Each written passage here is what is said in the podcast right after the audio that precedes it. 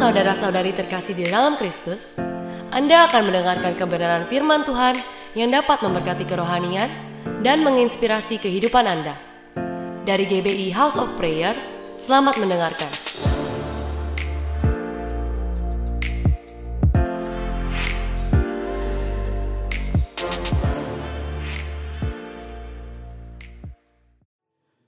Engkau mengasihi kami. Berfirmanlah bagi kami roh kudus. Mampukan kami bukan hanya dapat mengerti dan memahami. Tapi tolong kami, mampukan kami juga untuk menghidupinya bersama-sama. Tuhan, curahkan berkatmu atas setiap kami umatmu, gerejamu di tempat ini. Permuliakanlah namamu. Di dalam Kristus Yesus Allah yang hidup. Kami sungguh bersyukur, kami berdoa dan kami sambut firman-Mu dengan sambil kami berkata, Amin. Tepuk tangan bagi nama Tuhan kita Yesus Kristus. Silahkan duduk Bapak Ibu yang Saudara yang dikasih Tuhan. Shalom semuanya. Shalom. Puji Tuhan Bapak Ibu Saudara yang dikasih Tuhan.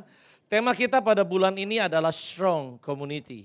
Adalah komunitas yang kuat. Nah Bapak Ibu yang dikasih Tuhan Yesus. Kisah 2 ayat 46 sampai 47. Kisah 2 ayat 46 sampai 47 firman Tuhan berkata demikian.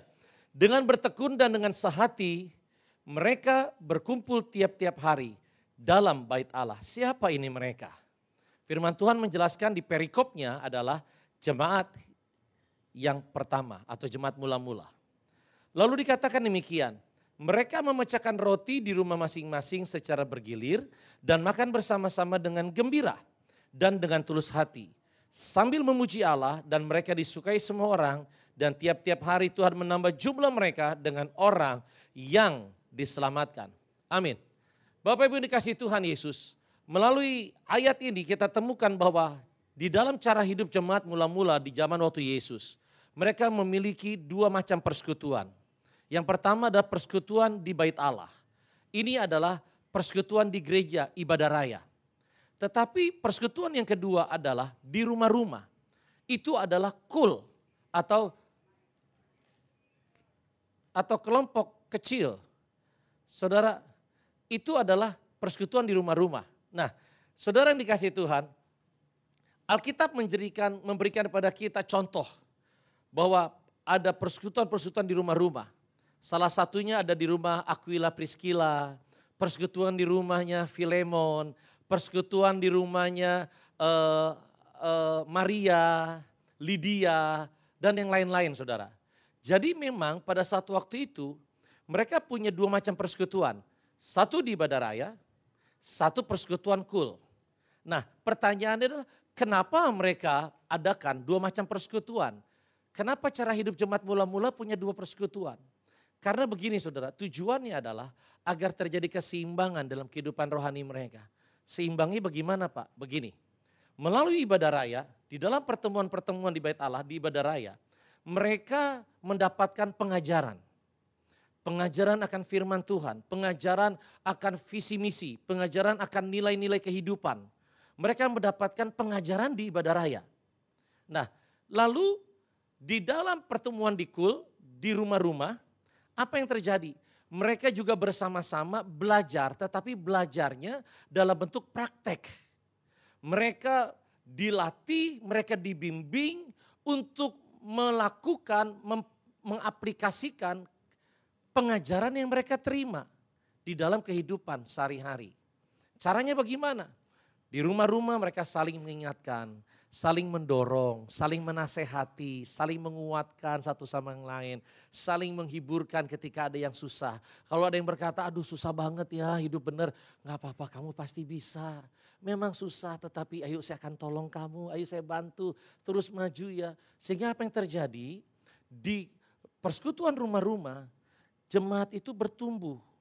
Dan iman mereka bukan hanya bertumbuh, tetapi kehidupan rohani mereka menjadi kuat. Katakan menjadi kuat.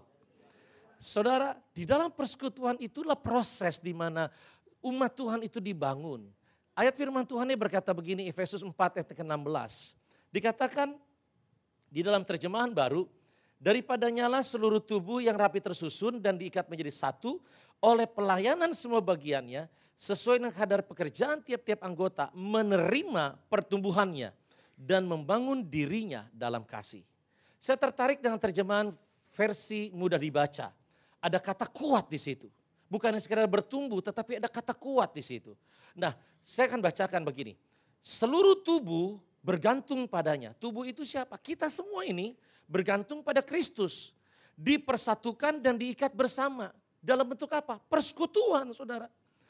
Menjadi satu, menjadi satu oleh, eh, sorry, bersama setiap anggota tubuh melakukan pekerjaan masing-masing dan itu membuat seluruh tubuh, katakan seluruh tubuh. Bukan cuma satu, bukan cuma sebagian, tetapi seluruh tubuh. Firman Tuhan berkata membuat seluruh tubuh bertumbuh, bukan cuma sekedar bertumbuh, tetapi jelas banget dikatakan dan menjadi kuat dengan kasih. Saudara, jadi begini, melalui komunitas yang kuat, kehidupan setiap pribadi akan menjadi semakin bertambah kuat. Strong community makes you stronger and stronger.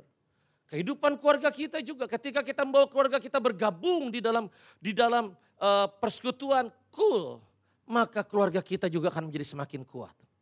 Dan keluarga yang kuat, strong families akan melahirkan strong generation. Saudara yang dikasih Tuhan, hari ini mari kita sama-sama mengerti kenapa sejak awal Tuhan mendesain cara hidup jemaat orang percaya sejak zaman mula-mula seperti itu. Ada persekutuan ibadah raya, ada persekutuan di komunitas. Saudara karena Tuhan mau kehidupan kita bukan menjadi ahli Taurat. Tahu banyak tentang kebenaran, tahu banyak tentang ayat. Tetapi kita tidak hidup di dalam firman. Tapi Tuhan mau kehidupan kita menjadi orang-orang yang kuat. Amin saudara. Dan firman Tuhan pengkhotbah 4 berkata begini. Pengkhotbah 4 ayat 12. Dan bila mana seorang dapat dialahkan, dua orang akan dapat bertahan. Tali tiga lembar, tidak mudah untuk diputuskan.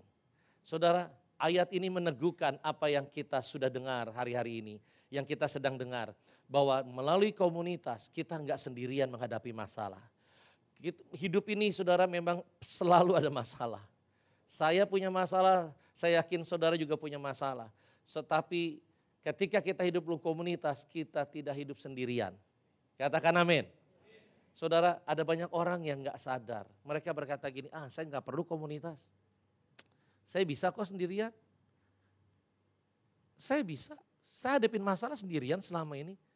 Saya memang dari dulu, dari kecil saya udah belajar mandiri sih. Saya bisa selama ini. Kalau susah, saya hadapin sendiri. Saya bisa kok. Bahkan kemarin, bahkan hari ini saya masih bisa kok sendirian. Setuju Bapak Ibu.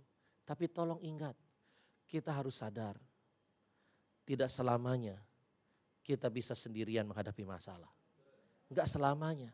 Kalau kemarin kita bisa, hari ini mungkin kita berkata, gue juga bisa. Ingat saudara, enggak selamanya. Ada saat di mana saya juga lemah.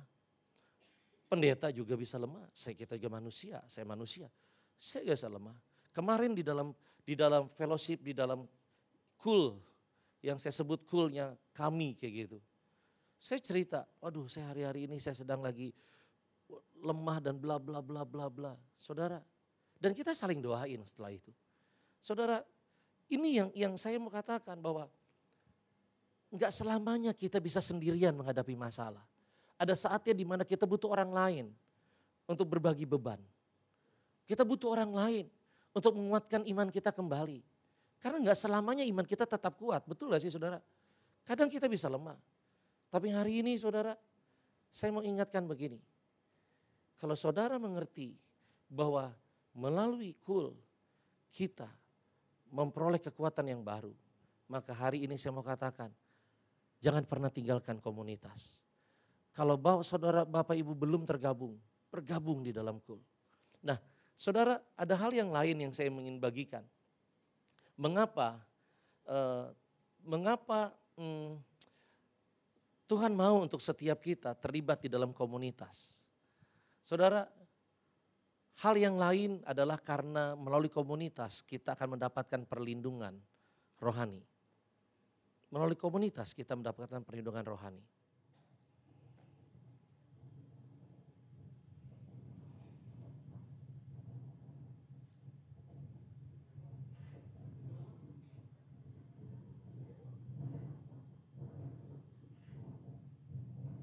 Berkali-kali singa ini ingin menyerang si anak kerbau ini. Tapi kita lihat perlindungan di dalam komunitas, saudara. Oke, keren saudara. Tepuk tangan dulu bagi nama Tuhan. Saudara, melalui komunitas kita mendapatkan perlindungan. Bagaimana Pak bisa dapat perlindungan? Melalui doa, melalui nasihat, melalui pertolongan dari orang-orang yang dalam komunitas. Saudara, di dalam komunitas kita bisa saling mendoakan satu dan yang lain. Enggak, perlindungan itu enggak hanya datang dari pemimpin kul. Oh pemimpin kul yang mesti doain. Enggak, saling mendoakan satu dan yang lain. Itu juga merupakan perlindungan ilahi yang Tuhan berikan dalam komunitas. Saling menasehati, saling mengingatkan, saling menegur, saling mengkoreksi. Itu juga perlindungan saudara.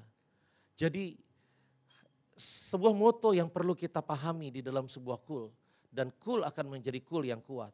Ketika moto ini kita hidupi sama-sama. Apa itu? Baca sama-sama dengan kuat. Satu, dua, tiga. Tuhan melayani saya melalui orang lain. Dan Tuhan melayani orang lain melalui saya. Amin. Jadi saudara apa? Ini dahsyatnya di dalam komunitas.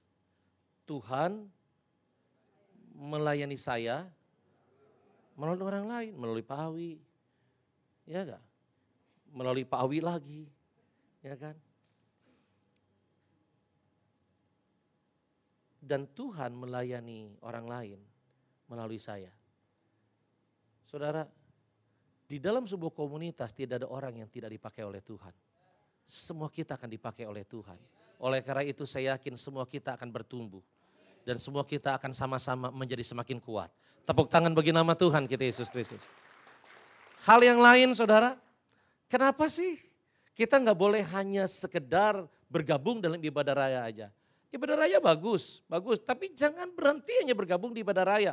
Tetapi kita harus bergabung dalam komunitas, di dalam kul. Kenapa saudara? Karena kul punya peran dalam kehidupan jemaat. Apa perannya kul dalam kehidupan jemaat? Yang pertama adalah memelihara. Memelihara kehidupan jemaat. Agar mereka orang-orang yang sudah diselamatkan, mereka tidak terhilang. Yang kedua apa perannya kul? Menyatukan. Menyatukan dari orang-orang yang tadinya sendiri-sendiri, yang dari berbagai macam latar belakang yang berbeda-beda, disatukan, dikumpulkan menjadi sebuah keluarga rohani di dalam kul. Itu indahnya saudara, itu perannya kul. Membangun kekeluargaan. Yang selanjutnya apa? Mendewasakan. Mendewasakan setiap jemaat untuk bertumbuh menjadi semakin serupa Kristus. Menjadi jemaat yang kuat. Menjadi murid Kristus. Dan yang selanjutnya adalah menyelamatkan. Jiwa-jiwa yang terhilang, jiwa-jiwa yang belum diselamatkan. Siapa itu mereka? Itu juga bagian keluarga kita masing-masing. Yang setuju mengerti katakan amin.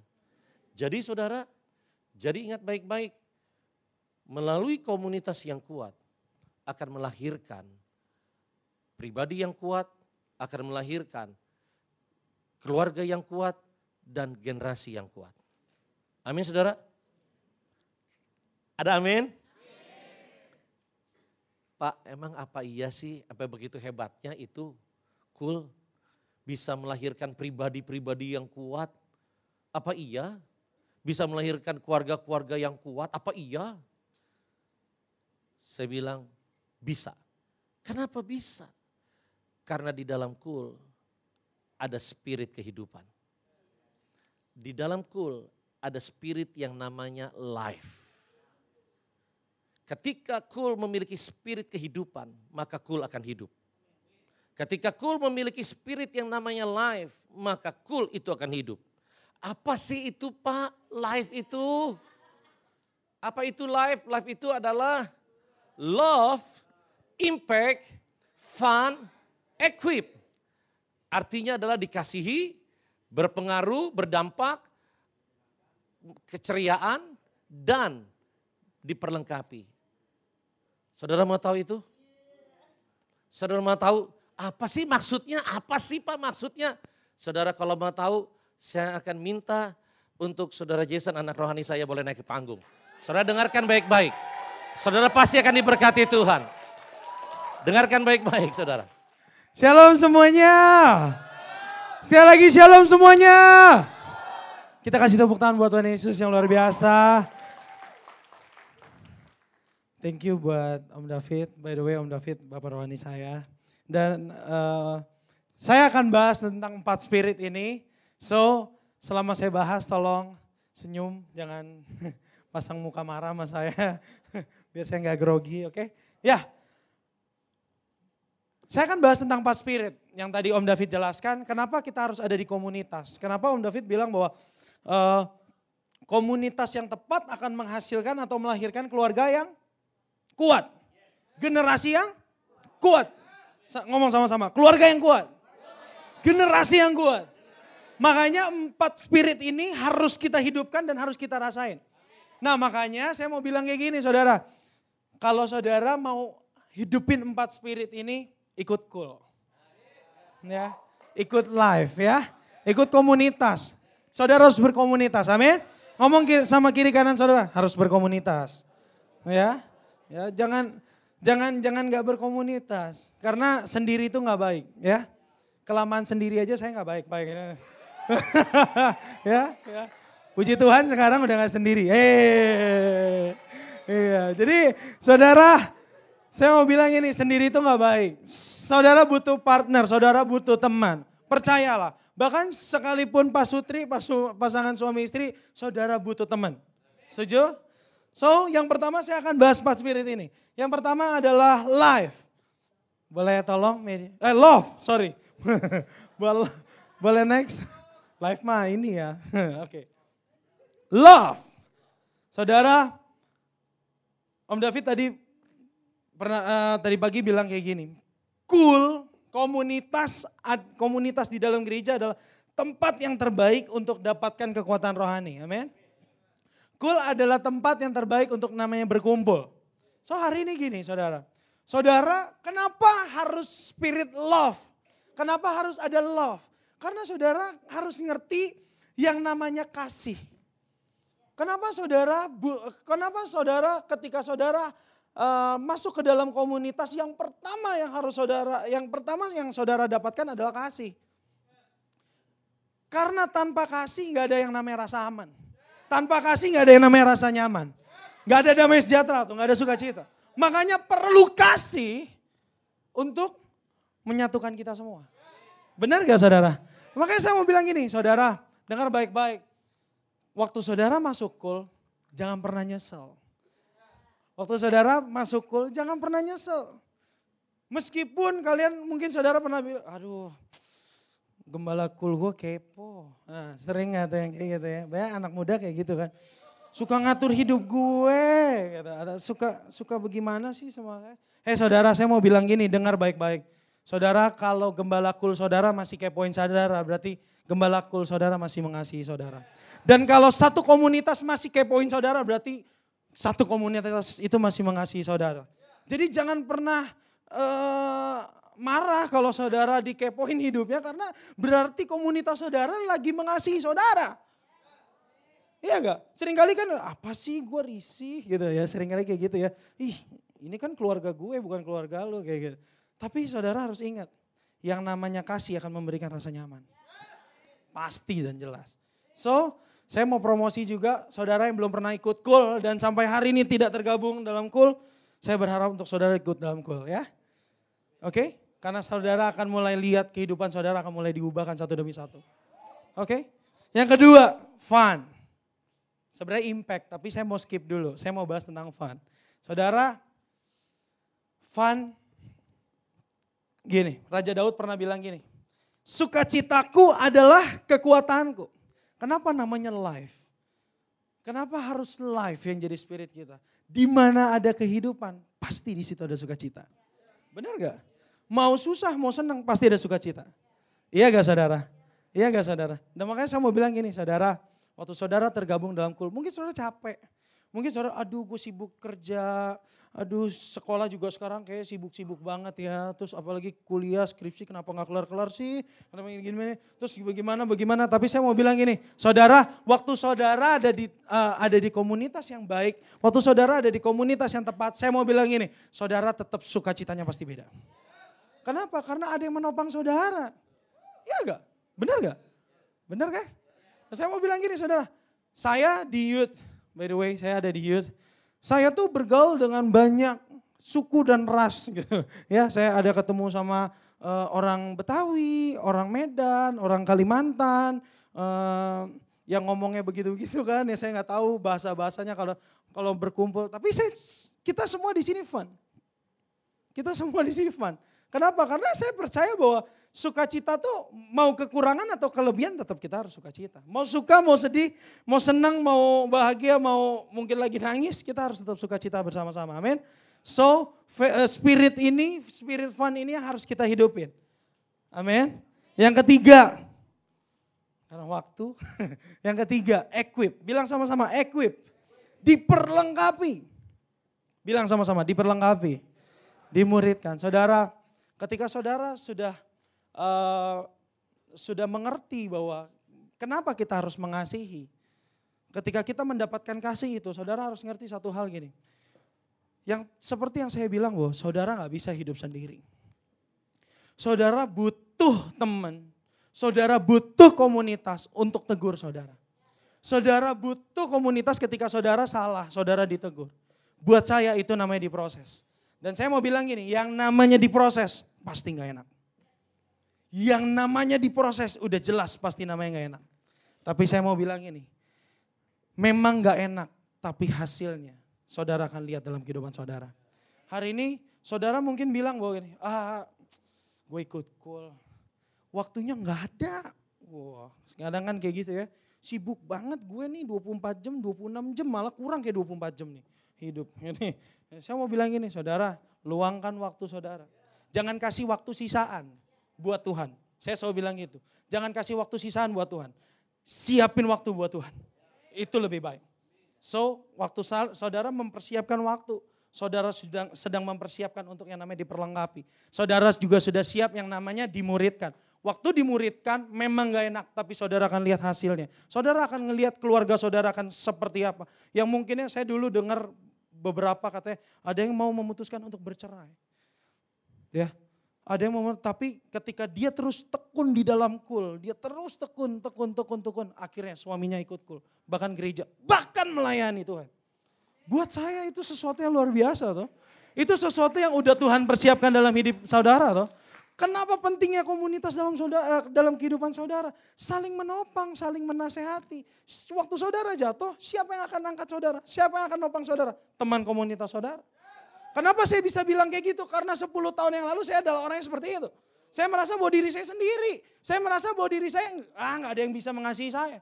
Tapi apa? Waktu saya mengambil keputusan untuk masuk ke dalam satu komunitas, ternyata komunitas itu menerima saya tanpa status sosial saya. Dan itu membentuk saya sampai hari ini.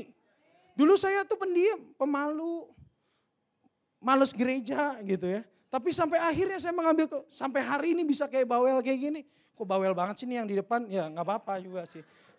Tapi saya mau bilang gini, karena saya dibentuk di kul, saya diproses di kul, sampai akhirnya saya ngerti, oh iya, kenapa saya harus lakukan ini?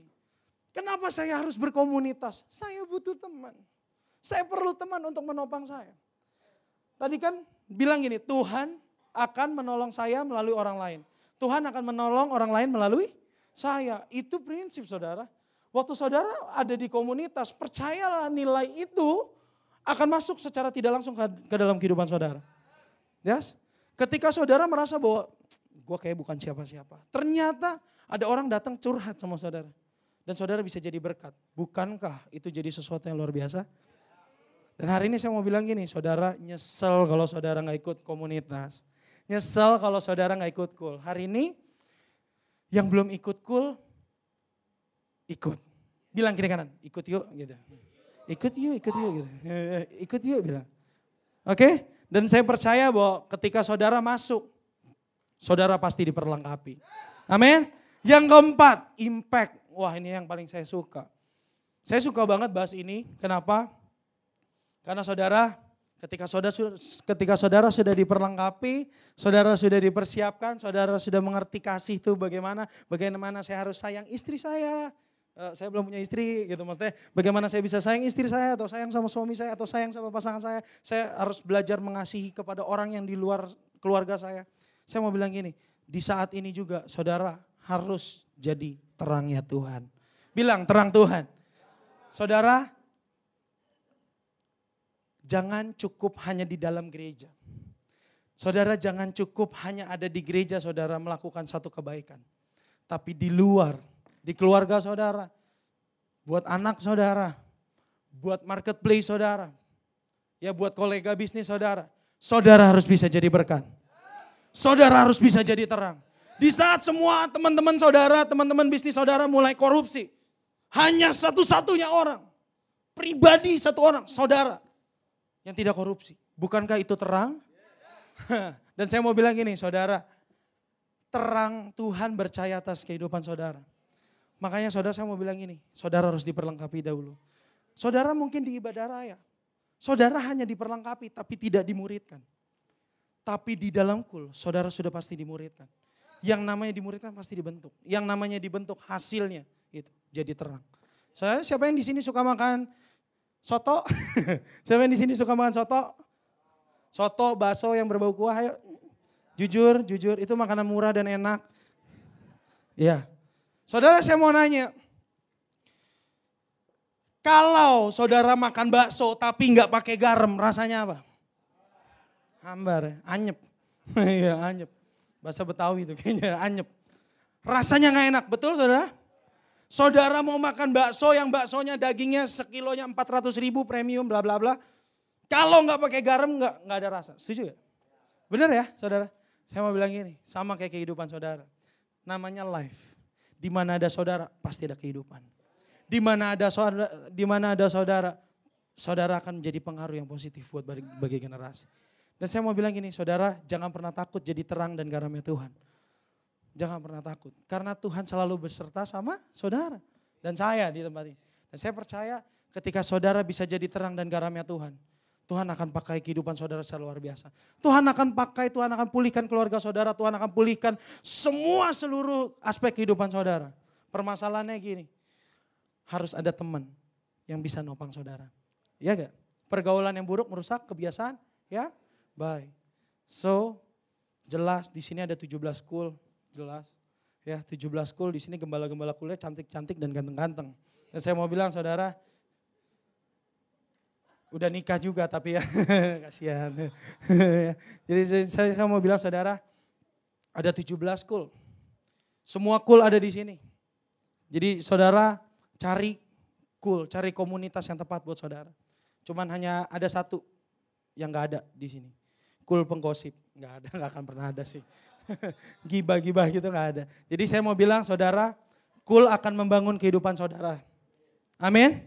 So sama-sama kita bergerak, kita menuju apa yang Tuhan mau lakukan dalam kehidupan kita. Amin.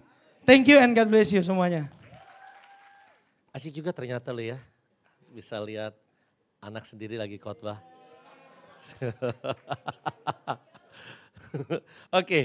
uh, eh, saudara, uh, kita sudah tahu tentang love, impact, fun, equip. Mungkin sedikit saya mau berbicara mengenai love. Kenapa ada itu ditulisnya love, dikasihi, bukan love, mengasihi. Saudara, karena begini, saya berharap di dalam cool, di dalam komunitas, semangat yang ada di dalamnya adalah bukannya sekedar mengasihi seseorang, tapi mengasihi seseorang sampai membuat orang itu merasa dikasihi. Sebab kalau berbicara mengasihi, banyak orang berkata, saya sudah mengasihi. Ada banyak suami berkata, saya sudah mengasihi istri saya, saya sayang istri saya, saya sayang banget istri saya. Tapi ketika ditanya istrinya, Bu, ibu merasa disayang sama suami? Pret gitu jawabnya. jawabnya bukannya apa, jawabnya kayak gitu. Ada Orang tuanya berkata begini, saya sayang semua anak saya, semua sama, anak saya semua saya sayang. Tapi ketika anak ditanya, dek, adik merasa disayang sama orang tua? Ada banyak anak-anak yang mereka merasa nggak disayang sama orang tua. Dan bahayanya begini, seseorang yang tidak merasa dikasihi, dia akan bertumbuh menjadi orang yang kasar. Dia akan bertumbuh menjadi orang yang egois. Dia akan bertumbuh menjadi orang yang mudah terluka, mudah tersinggung, dan mudah kepahitan. Jadi kenapa love semangat ini harus ada di dalam ibadah, di dalam persekutuan rumah atau di dalam coolnya kita? Karena saya mau dan Tuhan mau dari dari komunitas bukan lahir orang-orang yang kepahitan, orang-orang yang yang terluka, tetapi saya berharap justru cool akan menjadi seperti gua adulam di mana orang-orang yang pahit datang, orang-orang yang tertolak datang ke dalamnya mereka keluar dari komunitas berdampak positif menjadi berkat bagi banyak orang. Lahir pahlawan-pahlawan gagah perkasa. Saudara setuju sampai di sini? Jadi kita perlu memastikan bahwa orang itu merasa dikasihi. Jadi oleh karena itu saudara, saya saya mengerti bahwa spirit life ini bukan hanya uh, working di dalam sebuah komunitas rohani, tetapi semangat ini juga akan bekerja di dalam kehidupan keluarga. Jadi begini, keluarga yang menghidupi spirit life ini juga akan mengalami hal yang sama. Bukan hanya menjadi komunitas yang kuat, tetapi akan menjadi keluarga yang kuat. Yang setuju mengerti katakan amin. Nah, jadi saudara, saya berharap bahwa untuk ke depan, spirit ini terus diingat, spirit ini terus dihidupi, spirit ini terus semakin meresap di dalam kehidupan kita spirit life ini selalu ada di dalam setiap komunitas-komunitas di dalam kulnya kita. Setuju Bapak Ibu? Nah, pertimbangan ini saudara, saya sempat bicara sama teman-teman pelayan yang lain. Karena pertimbangan ini, oleh karena itu untuk di waktu ke depan, supaya spirit ini terus diingat, terus semakin resep, semakin dihidupi menjadi gaya hidup di dalam komunitas, di dalam kul yang ada. Maka kita putuskan sama-sama bahwa untuk waktu ke depan nama kul, sebutan nama kul di khusus internal gereja kita Gebios of Prayer digantikan namanya menjadi live. Jadi saudara, next slide, eh, mas tampilkan saja. Jadi saudara untuk ke depan kita tidak lagi menyebut kul dengan kul, tetapi kita menyebut nama kul dengan sebutan live. Yang paham sampai di sini katakan amin. Boleh enggak saudara kita sebut kata live ini tiga kali dengan suara yang semangat, suara yang menggelegar, kalau perlu dengan kepulan tangan ke atas. Kayak gitu, setuju ya? Tiga kali boleh ya? Satu, dua, tiga. Live! Live! Oh tepuk tangan bagi nama Tuhan. Ya. Oke saudara, jadi saya undang setiap saudara yang belum berkomunitas, belum tergabung di dalam live Jangan berhenti hanya puas beribadah di ibadah raya. Kita ngerti bahwa dua-duanya ada manfaatnya. Tuhan mau kehidupan kita seimbang. Di dalam life, maka kita dilatih. Kita bukan sekedar diajar, tapi kita dibimbing. Saudara bedanya ibadah raya dengan dengan life kelompok kecil. Bedanya begini saudara. Saudara terima pengajaran saat ini, setelah itu saudara pulang. Nggak ada yang bimbing saudara, nggak ada yang latih saudara, enggak ada yang bantu saudara untuk melakukan firman itu. Tetapi di dalam life, saudara memiliki teman-teman rohani yang akan bersedia membimbing saudara, melatih saudara secara personal untuk saudara melakukan firman yang diajarkan. Untuk saudara menjadi orang-orang yang bertumbuh menjadi pelaku firman. Dan orang-orang, hanya orang-orang yang jadi pelaku firman lah, orang-orang yang akan tetap teguh hidupnya. Apa pun masalah, dia akan tetap kuat dan keluar sebagai pemenang. Oleh karena itu saudara, pastikan setiap kita terlibat di dalam live. Dan nanti saudara, di minggu ketiga, eh, di minggu ke tanggal 18, ya minggu ketiga benar. Tanggal 18 Oktober, nanti kita akan ada celebration bersama yaitu adalah celebration of life. Kita merayakan kehidupan yang ada di dalam gereja ini, yang ada dalam setiap komunitas. Saya undang Bapak Ibu, ambil bagian, ambil ambil bagian, datang, siapkan waktu dari sekarang. Tulis di agenda saudara, tanggal 18, save the dates untuk datang celebration of life. Amin saudara, saya kasih nama celebration of life. Saudara, saudara, jadi Pastikan saudara untuk bergabung. Amin saudara. Anda telah mendengarkan sharing firman Tuhan yang disampaikan oleh hambanya. Dapatkan rekaman ibadah melalui website hope.church/sermon. Tuhan Yesus memberkati.